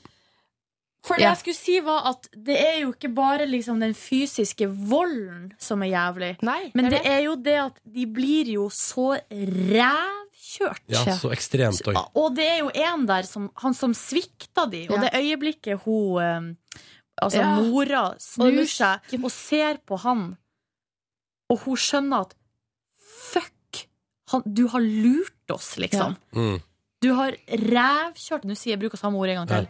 Altså, nå er, har du, nå er det svik. Mm. Så nesten det er verre enn å få strupen sin kutta, liksom. Mm. Mm. Ja, det var, det var heavy. Og, Altså, den og den babyen. Ja, nei, herregud. Og det kom altså, Og all, alt det der blodet og all knivstikkene, det kommer på en måte på toppen Ja. av sviket, liksom. Og den fine musikk Og så er det settingen. Syns jeg. Det er Jo, sånn bryllup. bryllup. Da har du, da har du lave skuldre. ja. det Og det er irsk folkemusikk baki der, liksom. Det, går jo, det skal ikke gå galt. Men de spilte, det, er annen- det er en eller annen sang de spiller, som gjør at hun skjønner det. Ja, Det fordi jo- den sangen er liksom sånn Det er sånn trist begravelseslåt, og Ja. den er òg så cueet innad i gjengen der for at da starta vi. mm. Uh, så det var Nei, det var heavy. Og så kommer jo hun uh, lille Mm. eh, som, Det kommer jo til å bli en revenge story med hun Altså, det blir jo en sånn Hun har jo fått den kuleste Men rollen det blir jo. Tarantino-opplegg nå resten av, av serien for hennes del. Ja, For hun er jo allerede så hevngjerrig, og så havner hun oppi det der. Det kommer til å bli et helvete. Men nå er det bare Snow og de to søstrene igjen. mm. Og lille gutten. Ja. Ja, de guttene er jo igjen. liten. Ja, ja, ja. Begge guttene. ja. Jeg hei, jeg, Jeg mener, jeg har jo sagt uh, Nå kan vi ikke si Nå, nå snakker jeg ikke mer om det. Jeg bare sier Dette er sagt fra dag én med Game of Thrones. Hvis han lille gutten uh, som ikke kan gå der, hvis han dør, da slutter jeg å se på serien. For da gidder jeg ikke mer. Jo, men det Han har fått nok, liksom. Du er så kompromissløs! Jo, men han, det var så, vet du, etter første episode I første episode så ramla han ut av det vinduet. Eller ble dytta ut. Ja. Eh, Og da tenkte jeg sånn Dette blir for grot Dette blir for ufyselig for meg. Ja, Ja. Det, det her Og da tenkte jeg sånn, hvis, hvis han dør nå, så gidder jeg ikke. Han døde heldigvis ikke da. Flaks. Mm. Men han, Flaks det, for Ja, han har fått, du kan ikke bli lam og dø. Det er liksom Det er Mm. for trist skjebne. ja, så heier jeg på Eller. Jeg tror han, jeg tror han og hun jenta kommer til å bare eie hele dritten. Men jeg Hvem er, det som, hvem er det som vinner? Ja, for det er ingen her som har lest bøkene. Nei, Nei. bøkene er jo ikke ferdige er heller. ikke Det er det som er ferdigskrevet, nei. det, det, Nei, han skriver som faen, han. ja. Og det største problemet deres er at jeg er redd for at han skal dø. Ja, stemmer det. Gamle kroken. Mm. Ja, Men da kan vel noen ta de døde fingrene hans og bare føre de over tastaturet? Kan de ikke det? Men det er det som er så deilig, fordi det er det som er, for jeg så sånn behind the scenes-greier, og da snakker de eh, som har laga serien, om at de, de er jo for det første fans av bøkene. Det er jo alltid positivt. Og de prater om at det, det som er fint for dem, det er at de går inn i en TV-serie og kaster dritbra skuespillere med den visshet om at de skal drepe deg på et tidspunkt. Ja, Jeg så sånn klipp fra, på Dagbladet eh, for noen uker siden om eh, hvor de skaperne uttalte seg da de filmet dette The Red Wedding. Mm. Det var jo sånn skikkelig emosjonelt for alle. Ja. Men det er samme som han, som han kongen i første sesongen òg. Ja. Du tenker at han skal være med en stund. Og det, jeg tror det er kanskje det som gjør at den serien er så appreciated. Fordi Men, det, jeg tenker at det, men det er jo det som gjør at de scenene blir så sjok sjokkerende. ja. Fordi i alle andre serier så vil du jo aldri, sånn som med Kongen i første sesong, du vil jo aldri ta av dage en av de mest populære karakterene. Det er jo, det. Joffrey er, må være, altså, Ja, han er den kuleste karakteren. Fy fader. Han kommer aldri til å dø, han. Han kommer aldri til å dø i den serien der. Men tenk deg, det er sånn Du har blitt, du har blitt casta til incestoffer. Mm. Det er døvt. Å, favorittøyeblikk i første episode av Det er, nye mye, si ting? det er mye verre å bli casta som incestoffer enn feit. Sånn her, vi trenger en tjukk, øh, stygg Ja, fyr. ja. Vi trenger en som ser ut som han er et resultat av to søsken. Ja. Men apropos det, han, eh, har, du har jo ikke sett Harry Potter, men har du sett filmene, Livet? Ja, en del i hvert fall. Han eh, Neville Longbottom, altså han en av de Det er jo en av kompisene til Harry, altså ikke Ron, men en Ja. av de andre kompisene. Han som er litt sånn rar, nerdete, litt sånn rar type. Begge foreldrene hans har blitt drept. Nei, begge foreldrene har eh, sittet på sånn sinnssykehus etter at de har Etter forrige liksom, runde med Ja. kamp. Jeg tror det er noen filmer jeg har til gode å se. De er Ja. jo veldig kule. Men han her han ser veldig rar ut, og sånn som både uh, Harry og Ron og, og Hermine eller Hermione, de var jo megasøte da de var små. Ja. Mens han her var jo, var jo ikke det. Mm. Og han, da han ble tenåring, så ble han bare rarere og rarere. og rarere. Litt sånn som tenåringsgutter av Ja. og til kan bli, for akkurat som nesa vokser først. Ja. Eh, Ja. Og så kommer liksom resten av kroppen Er han etter. incestresultat? Nei, men jeg leste nettopp en sak om at han den, de, de, de brukte jo så lang tid på å spille inn de filmene. Jeg lurer på om det er ti år, jeg. At Ja. de levde med Mm. Altså, de levde med den jobben. Mm. Og han hadde jo, fikk jo så stygge tenner. Og så fikk han ikke lov til å ordne på tennene sine. Nei. Fordi oh. at han, den karakteren, skulle se litt sånn rar ut. Ja, Så kan du ikke ha regulering i det universet Nei, nei, nei. Så Stakkars fyr. Så det som er, er at nå det er noen sånn før-etter-bilder. Altså for at, han, det er jo ikke sånn at de har jo ikke fiksa noe særlig fint til inn, altså han, han er bustete på håret og ser litt sånn ustelt ut. Men sånn som nå er han jo en kjempekjekk fyr. Ja. Så nå er det Du ser jo hva som skjedde med Daniel Radcliffe. Ja, men han, Han er ikke så Uff a meg. Det er freaky fyr, Han hadde ikke lurt meg en kveld på blå, ass. Nei, det hadde ikke det, nei? Nei. Hva- men, nei, han- han ser jo ikke ille ut. Nei, det Oh, nei. Nei. Det ser ikke bra ut. Kan jeg bare si at jeg elsker at uh, At jeg Han ser jo ikke så ille ut. Jo, det syns jeg. Jeg elsker Men han, han driver med sånn kunstteater. Jeg skjønner sånn nakent kunst, kunstteater. Altså, jeg føler at Han han er sånn. Han er sånn lav og blek og sånn muskuløs alt Han- ikke min type. Han minner litt om Elijah Wood, altså han som spiller Frodo. Synes jeg, Ja. da. Liten, litt tett. Ja. Eh, mørk med blå øyne. Litt sånn Mm. firkantig ansikt. ja, det er det. Vet du hva, jeg skal si hva det er problemet? Han har veldig spisse trekk. Det liker jeg ikke. Ja. Men han her Neville Longbottom har i hvert fall ordna tennene sine, klippet håret og ser ganske bra ut Ja. i dag. Mm. Men han lille Draco, for det er en annen ting å bli kasta når du er seks, sju, åtte år, til å være en ond jævel. Altså han Draco Mm. Malfang Han i Harry er. Potter. Ja.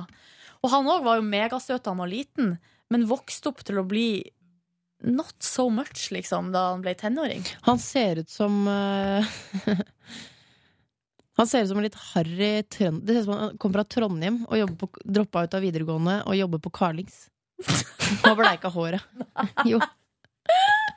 Jo, det syns jeg. Er det noe galt å være fra Trøndelag nå, plutselig? Nei, nei, absolutt ikke. Jeg har masse slekt i Trøndelag, og no, ingen fare. Ingen, ingen skade skjedd. Ingen Men, eh, Ja. Men eh, nei, altså man må få lov til å uttale seg om hvordan man syns folk ser ut. Ja, absolutt. Hermione hun er ganske pen, da.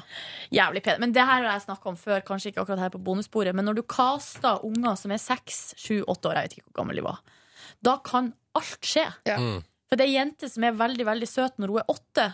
Kan, altså, det, det, alt mulig kan skje når det, puberteten kommer. Jeg, for eksempel. Ikke, sånn, ikke et billedskjønt barn. Ble supermodell som voksen. Ikke sant? Ikke sant? Ja.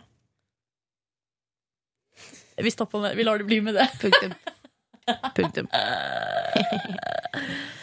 Ja, ja, Ja, skal, livene deres, da? skal vi si noe om dagens sending? Jeg har bare lyst til å si, bare fortelle litt sånn behind the scenes.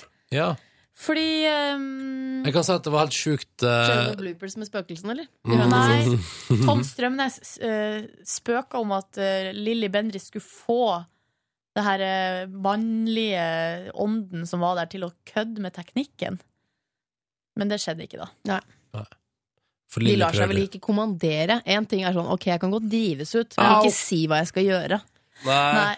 Men jeg må jo si at um, At jeg Jeg kan jo forstå at folk tenker når man ser på TV at her kan det være noe muffins. Altså i form av at eh, de klarsynte f.eks. er brifa på forhånd. Mm. Det vet jeg at mange tror. Altså, herregud, de har jo fått vite det på Jeg, forhånd. jeg tror ikke det. Nei. Nei. Og jeg tror ikke det heller. Og jeg vil si her nå med hånda på hjertet på grava til hun bestemor at uh, Lilly Bendris fikk ikke vite noe av oss annet enn det som du sa på lufta, Ronny. Det med at, det med at han ble sparka i, i hodet og, og eh, Ja, hva som hadde skjedd med, med, med ja, det med Fredrik, ja. gitaren og alt mulig der. Det at det hadde bodd en offiser i det huset, det sa vi jo ikke. Det sa vi jo på lufta, og det var Mm. første gangen hun Lilly fikk vite om det. Men uh, det er så gøy at folk er så skeptiske til åndenes makt. Men sånn Nytt på nytt. Å, hun er så morsom, hun der. Mm. Altså, der har de fått alle vitsene på forhånd. Uh, der har de fått vite tema, hvilke saker de skal snakke om. Uh, mens åndenes makt Nei, det, det tror jeg ikke noe på. Det, nei. Der har de fått vite alt på forhånd. Feil. Det er jo som også skeptikere Det er jo skeptikere som Det er jo det, det er overdose. Og, og som sagt tidligere i podkasten, skeptikere er så sinte. Det må jo være lov å være Mest, skeptisk. det, er mest, det, men det er mest derfor jeg ikke er skeptisk, som veldig skeptisk. Fordi jeg orker ikke å bli kategorisert som en sånn sint fyr. Nei, dere er en veldig sinna klubb. Det er ikke noe gøy. Dere er ikke noe morsomme. Dere må tro på ting og ha det litt moro. Ja, eller bare la være å tro, og si det gjerne, men ikke vær så sur. Blir forbanna fordi andre tror. Tenk så bittert, da. Når du liksom, så dør du, og så fader òg, så sitter du fast igjen som en sånn ånd i huset ditt. Og så Mm. kommer det en ny familie, så tenker du sånn Her er jeg som ånd, og så trodde jeg ikke på det. Det er jeg. Så kjedelig jeg hadde det. Jeg var bare sur og utroende. Skjebnens Ja, ironi. skjedens ironi. Der blir du sittende fast. kommer deg ikke gjennom porten, eller portalen, eller hva det heter. Portalen, heter det. Portalen, for det så jeg jo ja, Mm. på mm. forrige søndag. Nei, men det var bare det jeg ville si. Bortsett fra det så var jeg på kino i går med min gamle venn. Ja. Vi så Mormor og de åtte ungene. Når skal dere se World War Z? Jeg vurderte å legge den på iTunes i helga og droppe den. hvorfor det? Fordi vi så Hva vi så istedenfor, da? Åh. Ja, vi prøvde å se på Great Gatsby. Det var drittkjedelig. Ja, hvorfor kan Jeg blir så lei For at jeg har vurdert å se den derre um, Garden Nei. Garden State? Ja! Ja. Garden State. Den skal jeg nemlig se uh, Ja. når uh, Men du, jeg skal se World War Z. gamle, World War Z, den altså. gamle filmen Garden State. Ja. Jeg så Hall Pass forrige dag. Den er ganske morsom. Hvilken film er det? Med uh, uh, Owen um, Ja, er Han det med når de, de gamle skal tilbake på college? Nei, det er at de f- ko, damene gir de sånn hall pass, som du kan knulle hvem du vil, Ja! i en uke. Jeg gir deg fri fra ekteskapet. Komedie, da, Owens, hva heter han til fornavn? Owen Wilson. Owen Wilson! Nei, nå er jeg helt mutter'n. Owens. Rick Owens. Nei. Owens, Owens. Eh, Owen eh, Hva het han igjen? Owen Wilson. Owen Wilson. Eh, den er, den Han er litt ganske sånn kjekk Han på en rar måte. Alltid likt. Men han er jo ikke noe pen. Ja, men han kan jeg like, men ikke Daniel Radcliffe. Jeg liker litt sånn corny, corny looking guys. Ja. Men øh, den var ganske morsom. Mm. Bare sånn noen ting hvor jeg Ja, det var noen ting. Men det er komedie? Ja. ja. Hall Pass. Kan jeg, kan jeg, kan jeg fortelle én morsom ting? Ja. Gjenfortell i scenen. Det er artig. Nei, altså Hallpass begynner å gå mot slutten. Vi begynner å fader, skal vi få til dette? Og så klarer han ene å få med seg, han får med seg en hjem. Nei. De er jo familiemenn som har vært Det er lenge siden de har liksom vært på markedet. Så liksom første kvelden så går de ut med gutta. Er bare, wow! Jeg tror kanskje jeg har sett denne Let's filmen. go to. Og så går de på uh, Applebees. Og der sitter jo bare familier Mm. spiser med ballonger og spiser apple pie. Altså, det er jo bare Litt som å gå på Fridays Ja. en torsdagskveld. ja. Så er det sånn No, I, jeg vet hvor vi kan gå. Olive Garden! Hvis man er kjent med amerikanske spisesteder, så vet man at det er også veldig familiested. Ja. Mm. Så Det er liksom pep gå fra Dollys til Peppes. Ja. og så sier han siste 'Jeg vet hvor vi kan gå', hvor det er liksom The ass on tap. Og så sier han 'Chili's'. Og det er som å gå videre til uh, Blir det Egon, Pizza? Kina Ekspressen. Egon. Ja, Pizza Egon. Kina Ekspressen Det er avslutta på Egon! Pizza, man kan ikke gå til Pizza Kina Ekspressen, for man må, kan bare bestille derfra. Men eh, nei, og så er det han får med seg en hjem til slutt, og så er, blir hun så jævlig dårlig, har sånn vondt i magen og sånn.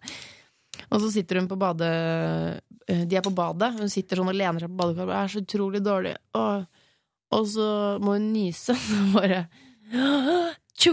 Og så får du en ny, så spruter oh, ja. du ut av ræva oh, hennes ja, oh, på ja. veggen. det lurer på om jeg har sett filmen. Skikkelig høyt. Det var veldig gøy. Det. Faen, så fornøyd. Ja, Dritefilm. Du nyser med ræva.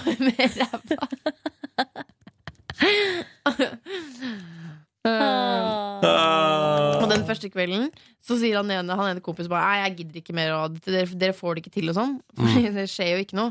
Og så ender de opp med bare å sitte med sånn leppestift. Alle har sånne rødvinslepper, og det ble liksom ikke noe. Så sier han ene jeg stikker hjem, for jeg må drite. Så sier han andre du kan jo bare gjøre det her. Nei, jeg må bade etterpå. Og det var den kvelden. Det var den kvelden. Det var dagen. Herregud, jeg ser det Åh, Det er, det Åh, er jeg ser for meg Liv Nelvik som film. Det må være gøy å se på. Men det å gi sånn hallpass det... Jeg er ikke, jeg er ikke så, ja. Det har ikke du planer om? Nei, jeg er ikke så negativ til det. Åh, ja. Ligge med alle du vil på ei uke? Ja, det endte jo med at det var egentlig ingen Nei, spoiler. spoiler. Nei, men Hallpass, da, det er jo en gammel film. Ja. Og det er Eh, vel komedie også, ikke det? det er en fin moral, da, ikke sant? Eh, Men eh, eh, Nei, jeg tror liksom at eh, hvis du er 45 og får et Hall Pass, så er det liksom ikke sånn Det er ikke blå hvor, ja, nei, Jeg ser ikke for meg at det skulle bli så ellevilt, liksom. Jeg tror det er mer følelsen av å ha den friheten som er litt kul. ja. Kanskje. Mm. I tillegg i går så Jeg har slitt litt med å sove ettermiddagslur i det siste, for jeg klarer liksom ikke helt å finne roen. Mm. Men i går så støvsuga kjæresten min mens jeg lå på sofaen, og så fikk jeg først så tenkte jeg sånn ja, det var jo jævlig bra å begynne å støvsuge her nå, mens jeg prøver å ha meg en uh, 20 minutters blund. Nei, det her var tenkt jeg inni meg. Ja. Vi snakka, ikke. ikke sånn til hverandre. Og så, eh, så gikk det litt en stund, så kjente jeg sånn Det er veldig deilig å, sovne litt- til støy. Jeg liker å Ja. sovne til støy. Men det var en slags sånn meditativ eh, Fly, for eksempel. Ja. Ja, jeg vet ikke. Verden går videre-følelsen får meg til å sovne. Så det som, Alt er skjedde, normalt. ja, det som skjedde, var jo at jeg sovna. Mm. Eh, For første gang denne uka og fikk liksom Men nå, jeg skulle jo på kino, så jeg hadde jo megakort tid, så jeg hadde liksom Men fikk liksom ti minutter. Og det hjalp, altså. Mm. Det bruker, man bruker jo støvsuger på kolikkbabyer. Gjør man det, ja? Altså Man suger ikke gråten ut av det, men man, eh, de sover visst godt i det. Men det har jeg sett en sånn video også, sånn typisk sånn YouTube-video av en, en liten baby som skriker altså så jævlig mye. Sånn Mm. der, og så setter faren på noe sånn death metal. Mm. Sånn sinnssykt bråkete musikk, og så da blir babyen stille. Mm. Koselig, da. Så prøver de sånn, skrur av, og så begynner han å skrike igjen. Skrur på musikken, slutt da. Mm. Og sånn er det fram og tilbake. Jeg sov fire timer i går, jeg. På dagen. Jeg skjønner ikke hvordan du får det til. Jo, det går så fint. Det var så ødelagt i går. Men eh, hva var, hva- hvordan var filmen, Silje? Hva så du? Ja, det var Mormor og de åtte ungene. Jo, jeg syns den var fin. Mm, Jeg synes at eh, Jeg er jo veldig glad i barnefilm, liker sang og syns at det er fint.